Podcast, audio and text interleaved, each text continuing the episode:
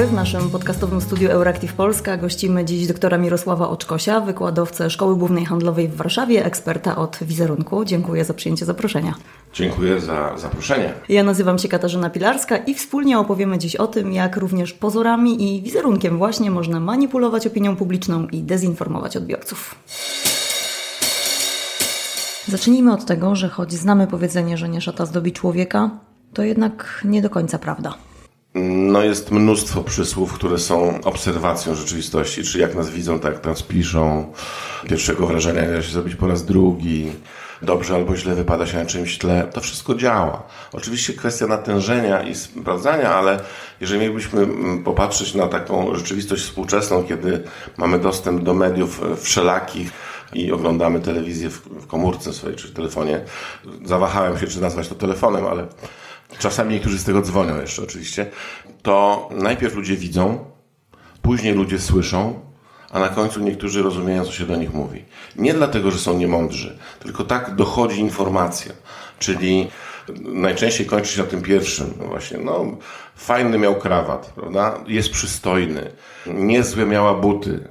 Czasami się pytamy ludzi w różnych takich, nawet nie badaniach, tylko takich ankietach, o czym była mowa, no to mówią, krawat miał przekrzywiony.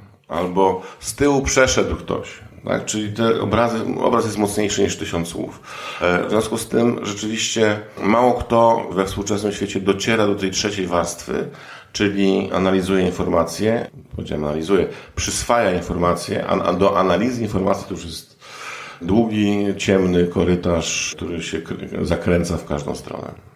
Z zaskoczeniem przeczytałam o tym, że istnieje taka reguła 7, 38, 55, mówiąca właśnie o tym, że największe znaczenie ma obraz, to co widzimy, Ton głosu jest na drugim miejscu, zaraz o niego zapytam, a 7% to jest y, to, co mówimy, ta informacja, którą przekazujemy, to jest w zasadzie przerażające. To jest takie badanie z 60. lat. Okay. To Ramian robił na wąskiej grupie bardzo. Natomiast y, co do kolejności przyswajania, tak, no tutaj tego się nie da przeskoczyć. Mhm. Jeden obraz jest mocniejszy niż tysiąc słów. Nie wiem, czy we współczesnym świecie nie jest mocniejszy niż pięć tysięcy słów.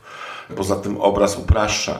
Trochę się można pośmiać, że wracamy do jaskini, kiedy ludzie jeszcze na przykład nie mówili, ale pokazywali polowanie, później to malowali na ścianach, ale wydawali dźwięki nieartykułowane, czyli nie było sprawozdania, że zaczailiśmy się w krzakach, przyszedł mamut i my mu tam ucięliśmy kła. Tylko trzeba było to opisać ręcznie, e, e, wyrazem obrazem. twarzy, tak, obrazem, mhm. namalować później na tych ścianach.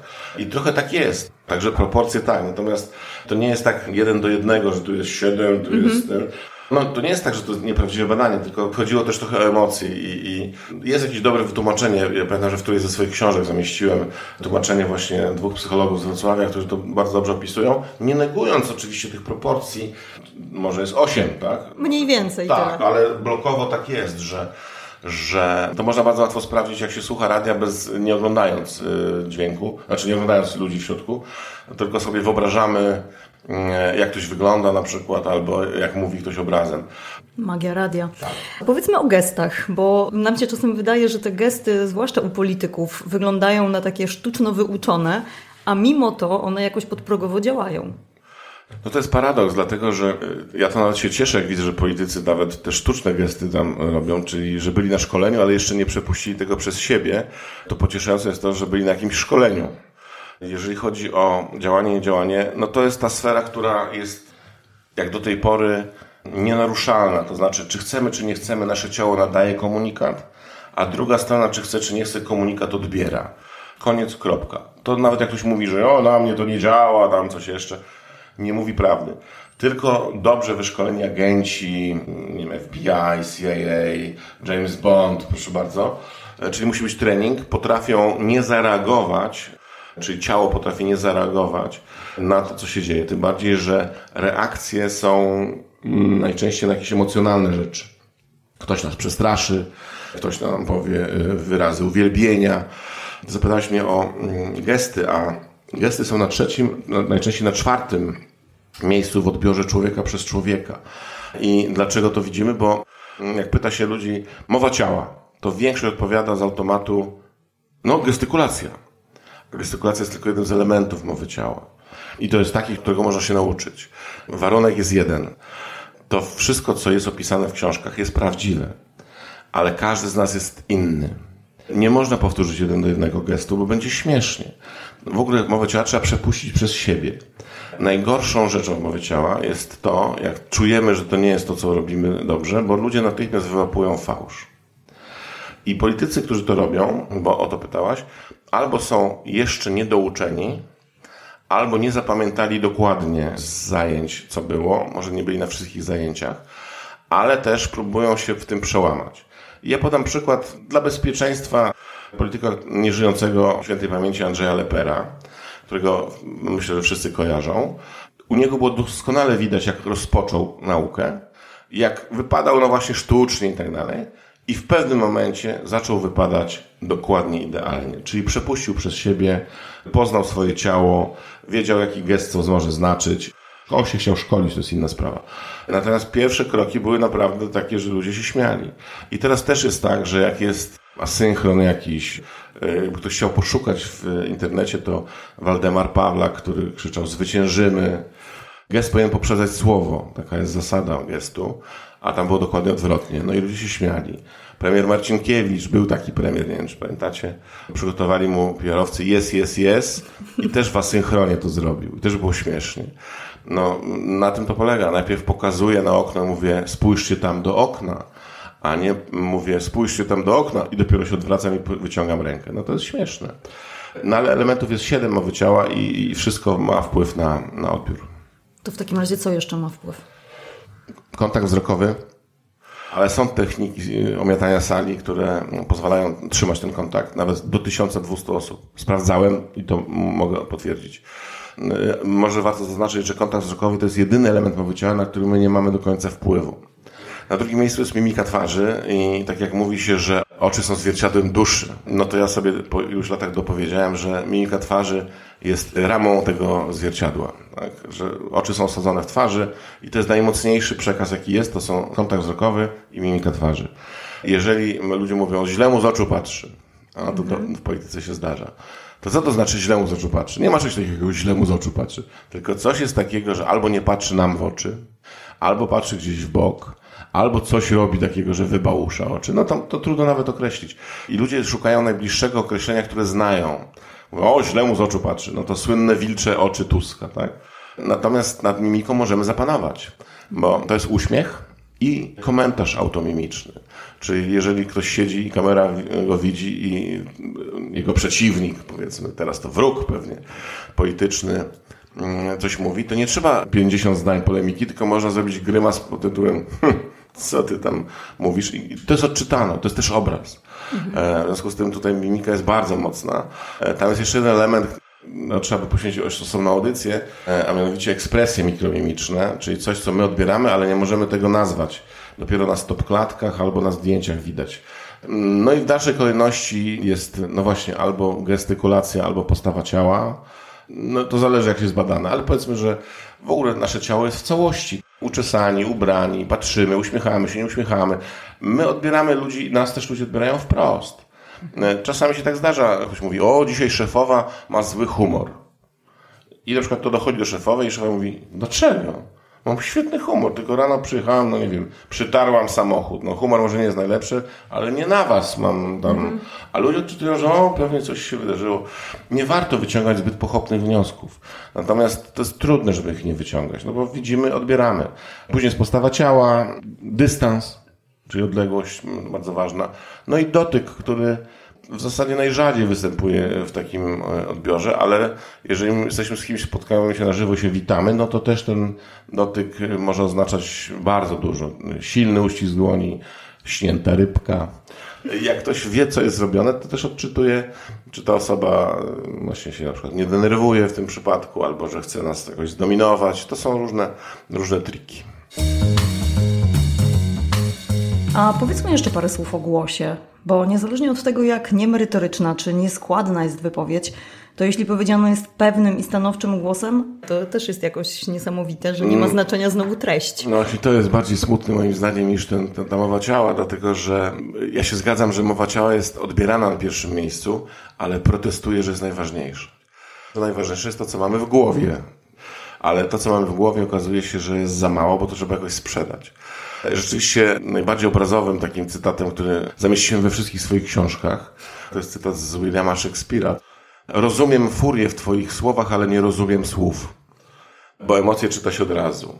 No i teraz, jeżeli chcemy się przebić, to rzeczywiście, jeżeli popatrzymy na współczesnych mówców z zakresu polityki, to najczęściej króluje pustosłowie. To znaczy takie rzeczy, które są albo głupie, albo mniej głupie, albo mądre inaczej, albo nie za bardzo mądre, ale wypowiadane w pewny sposób, pewnym głosem, z pauzami, z szeroką samogłoską, z zawieszeniem głosu, z zmianą intonacji.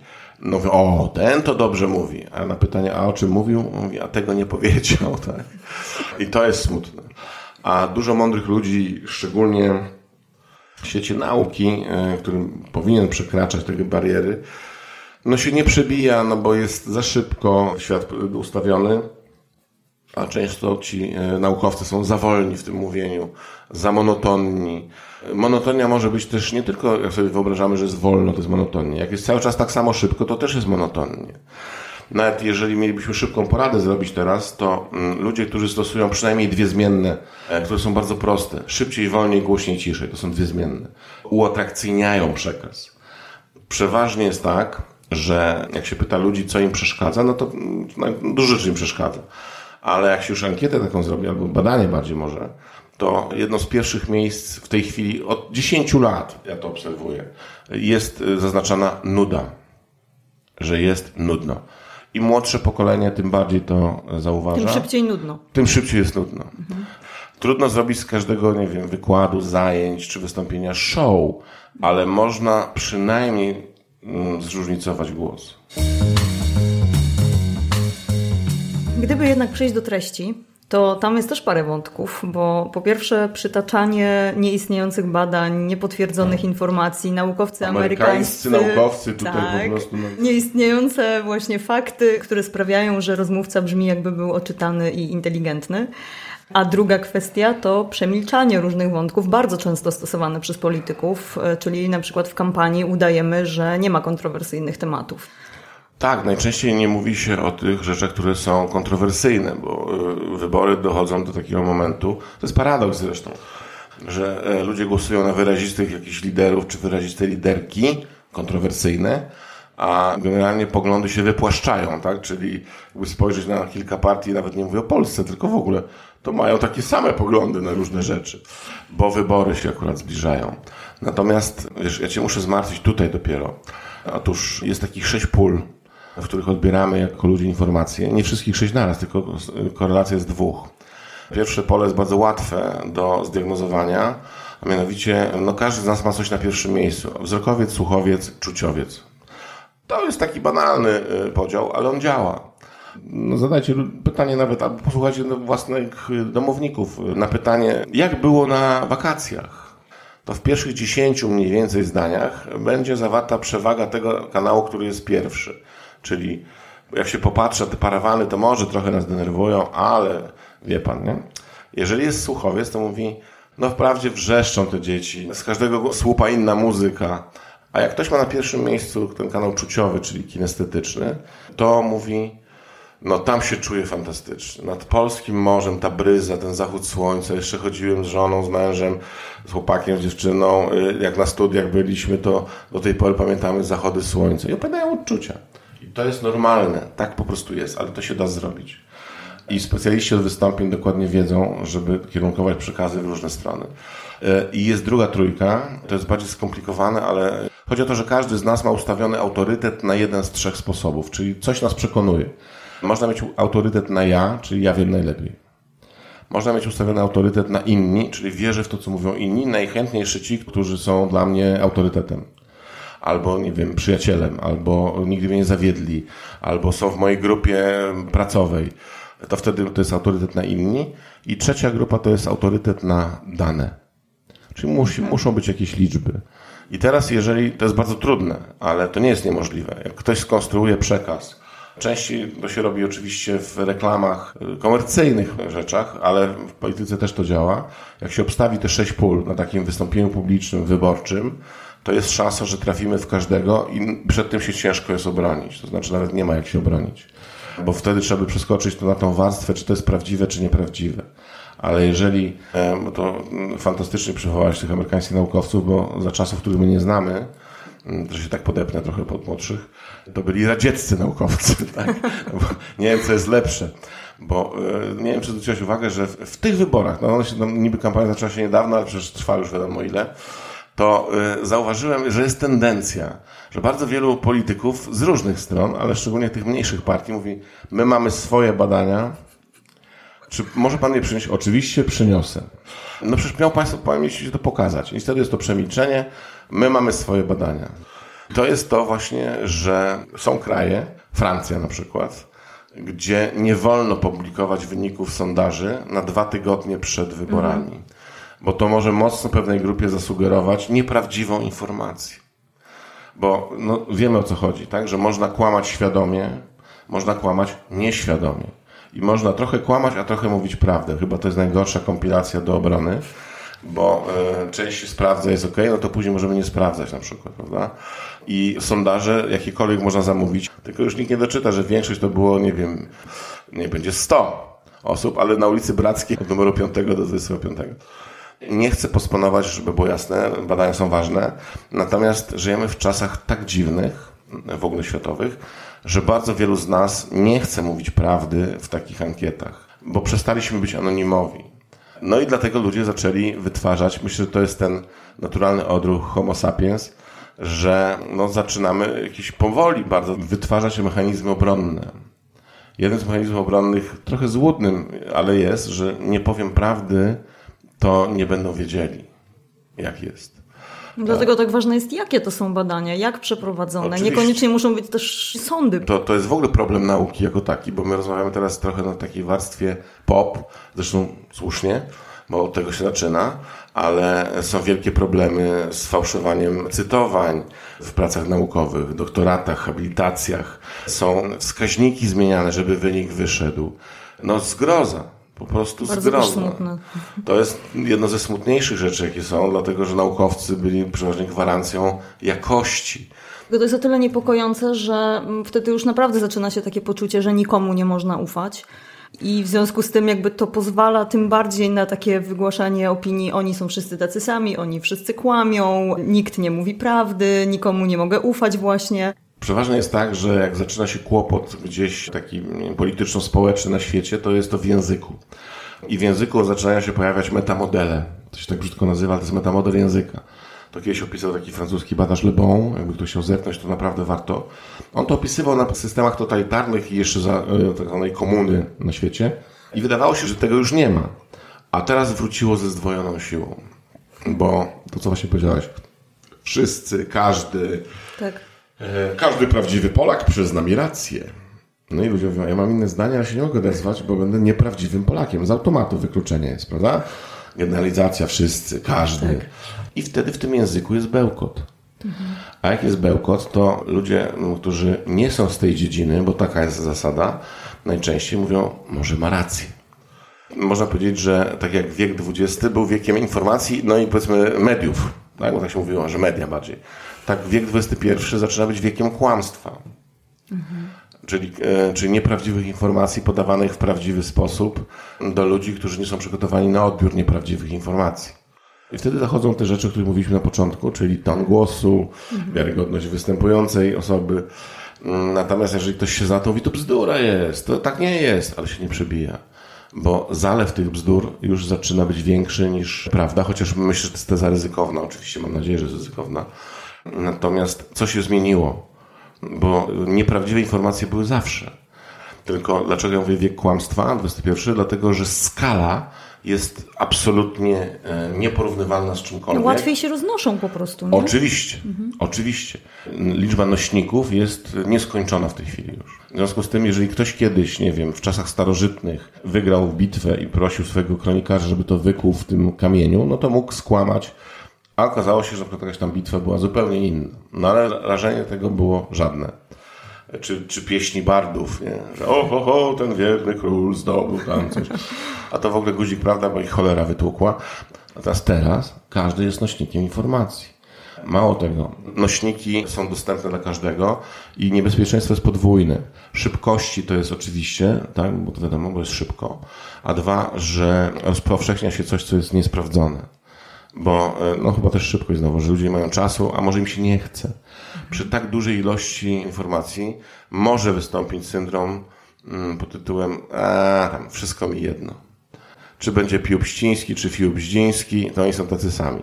No nie są, tylko trzeba by to jakoś tam sprawdzić. No a głównie, i tu przepraszam, że to powiem, szczególnie przepraszam nauczycieli, których bardzo cenię i szanuję, zaczyna się to w szkole, że jest za mało programów, one są na szczęście, które mają nauczyć, no wtedy młodych ludzi, którzy są w szkole, ale to ma nas przygotować na życie. Jak z tym walczyć, jak się bronić, jak się przeciwstawiać, jak e, demaskować fałsz no i też mieć świadomość tego, co jest ważne, ja uważam, to jest moje zdanie, żeby mieć świadomość tego, że jak się skłamie, jak się poda fałszywą informację, to może dojść do tragedii, nieszczęścia i możemy zainfekować też informację, która po prostu już nie wyjdzie z, tej, z tego obiegu. E, no tutaj patrz, szczepionkowcy. No w niej wtedy kłania się jakiś pan z dyplomem lekarza prawdziwym, który tak namieszał w głowach ludziom na świecie, że do tej pory ludziom mówią, że szczepionki zabijają dzieci. Tak, i to było bardzo oszukane badanie. No. Janina Bąk mm, Prawda? dużo o tym mówi, no. polecamy. A powiedz w takim razie, jak się temu nie dać? Jakby jak zachować tą czujność, słuchając polityków, patrząc na wystąpienia? Teraz jest taki moment, w którym trzeba jakoś bardzo włączyć w sobie właśnie pewien rodzaj selekcji informacji. Jedyne, co mi przychodzi do głowy na, na już, może nie jedyne, ale to pierwsze, co mi przychodzi do głowy, to jeżeli to są politycy, którzy występują od jakiegoś czasu, nawet od miesiąca, no ale powiedzmy, że tak, no, większość występuje paręnaście lat, parę dziesiąt nawet w Polsce, to jeżeli pojawia się jakaś informacja, która na przykład nas u takiego polityka zadziwia, że mówimy, o to ciekawe, że on to powiedział, czy ona to powiedziała, to może warto sięgnąć, teraz można sięgnąć, bo to też trzeba wykorzystać te środki też dla obrony. E, nigdy nie ma tak, że to działa w jedną stronę zawsze można spróbować się przez to obronić, czyli znaleźć w jakimś portalu, nie wiem, YouTube czy coś jeszcze, takie wypowiedzi tej czy innej osoby, polityczki czy polityka, sprzed roku, sprzed pół roku, sprzed dwóch lat na przykład i skonfrontować. To oczywiście nie znaczy, że nie można zmienić poglądów, ale czasami jest tak, że ewidentnie będziemy widzieli, że teraz jest pod publiczkę. Nasi politycy to nie są tytani intelektu. W związku z tym często te przekazy są po prostu proste. Ja nie zarzucam, nie każdy musi mieć wyższe wykształcenie, żeby być w Sejmie, natomiast często na tym to polega, że kultura osobista, inteligencja nie idzie w parze z wykształceniem, chociaż warto się kształcić. Trzeba sprawdzać. Ja wiem, że w przypadku polityki, kiedy większość ludzi ma brzyda na to, to mówię, co będę jeszcze oglądał go spod roku, ale jakby była jakaś wątpliwość, to można nie dotyczy polityki tylko i wyłącznie. Chociaż teraz to najbardziej w kampanii wyborczej będzie widoczne, bo często, ja na przykład takie pytanie dostaję, nie wiem, czy też cię pytają ludzie, jak to jest, że przecież to jest ewidentne kłamstwo, a i tak ludzie uwierzyli? No właśnie. To nie jest takie proste. Ja się trzymam tego podziału na trzy, że są kłamstwa świadome, są kłamstwa nieświadome, czyli powielanie czegoś, co my uznajemy za prawdę, a jest kłamstwem. No i najgorszy ten przepis na kłamstwo doskonałe, czyli daj trochę prawdy, daj trochę pół na pół prawdy z nieprawdą i dopiero wielkie kłamstwo na koniec. Na pewno jest kłopot, dlatego że różnie różne społeczeństwa reagują, ale nie ma społeczeństwa odpornego na to.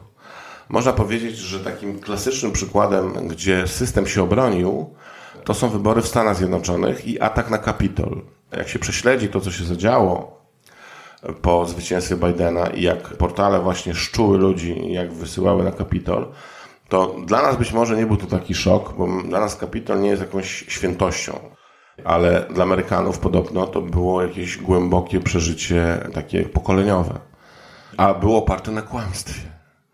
Było oparte na kłamstwie, na oczywiście paru jeszcze innych rzeczach, e, na dużej emocji i jadąc tutaj do ciebie do studia, usłyszałem informację, tak mówię, muszę zapamiętać, bo okazuje się, że to jest zbadane już i to jest problem i to są amerykańscy naukowcy, e, ale na bieżąco sprzed wczoraj że jak pojawiło się więcej zarzutów dla byłego prezydenta Donalda Trumpa, to wzrosło mu poparcie w Partii Republikańskiej wyborców do 40%.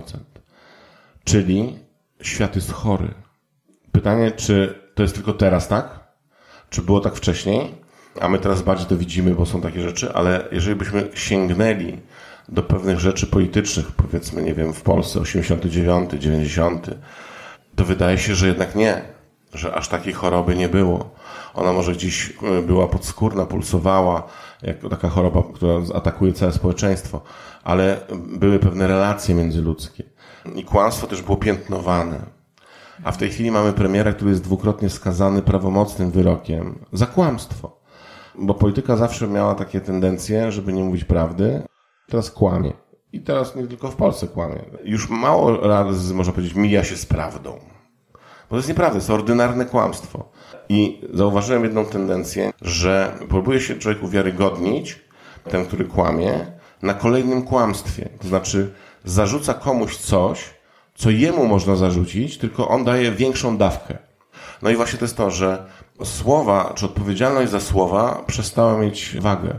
To, to nie jest zjawisko nowe, natomiast skala jest, no, no nie wiem, przykład na podstawie szczucia na Niemców, wydaje się absurdalne kompletnie i abstrakcyjne. To jest przeniesienie w czasie w lata 60. ubiegłego wieku, kiedy Niemiec twój wróg. I to jeszcze właśnie na czym polega to kłamstwo, o czym ja mówię, to najgroźniejsze kłamstwo, że mieszamy prawdę z kłamstwem, ale też zarzucamy komuś coś, co nam można zarzucić. Mateusz Morawiecki kończył któreś studia w Niemczech, a profesor Krasnodębski jest wykładowcą już chyba kilkanaście, jeżeli nie kilkadziesiąt lat w e, Uniwersytecie w Bremen, dodam, w Niemczech to jest. I oni najbardziej atakują Niemców.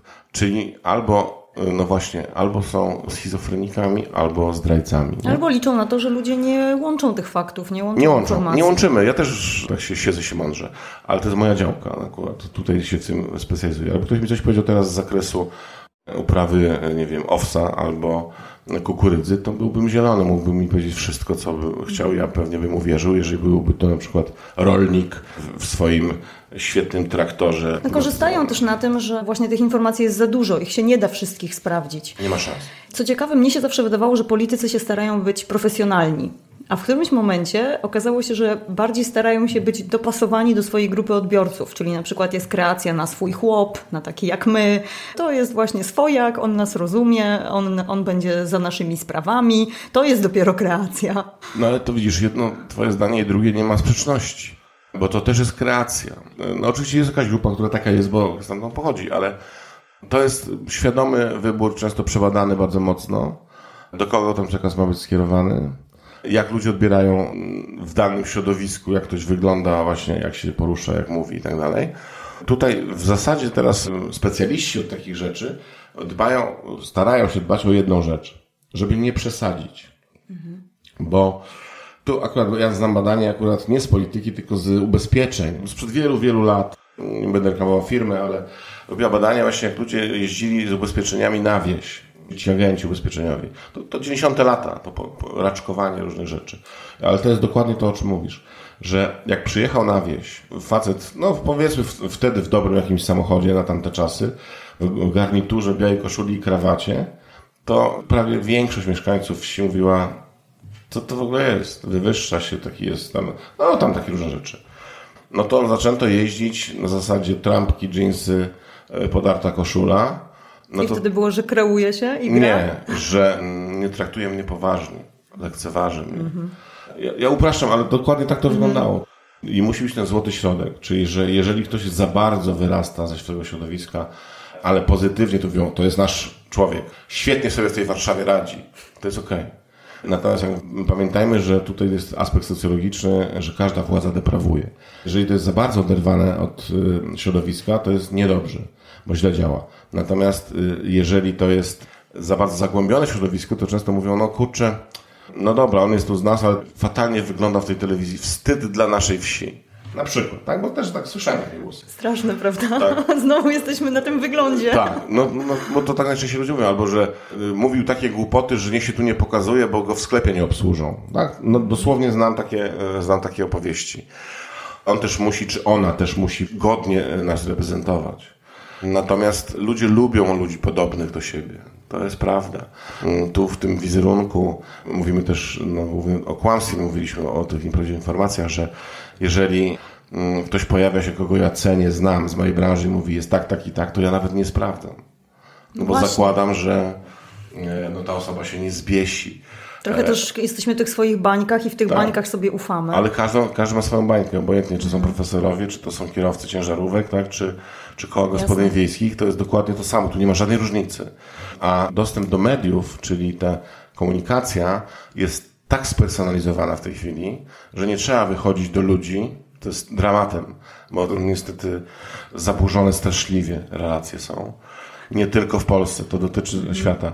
Tylko niektóre kraje są lepiej do tego przystosowane, bo mają inny model społeczeństwa obywatelskiego, który jest piekielnie ważny w takiej sytuacji. A ponieważ my jesteśmy zanurzeni w tej XIX-wiecznej władzy, że władza to jest panowanie, a nie rządzenie, bo widzę to po współczesnych ministrach, premierze i nadpremierze, że oni nie przyszli do władzy, żeby rządzić albo dla nas rządzić, tylko nad nami panować. E, I to jest dramat. E, I, I teraz mamy nasilenie tego kłamstwa z jednego bardzo konkretnego powodu.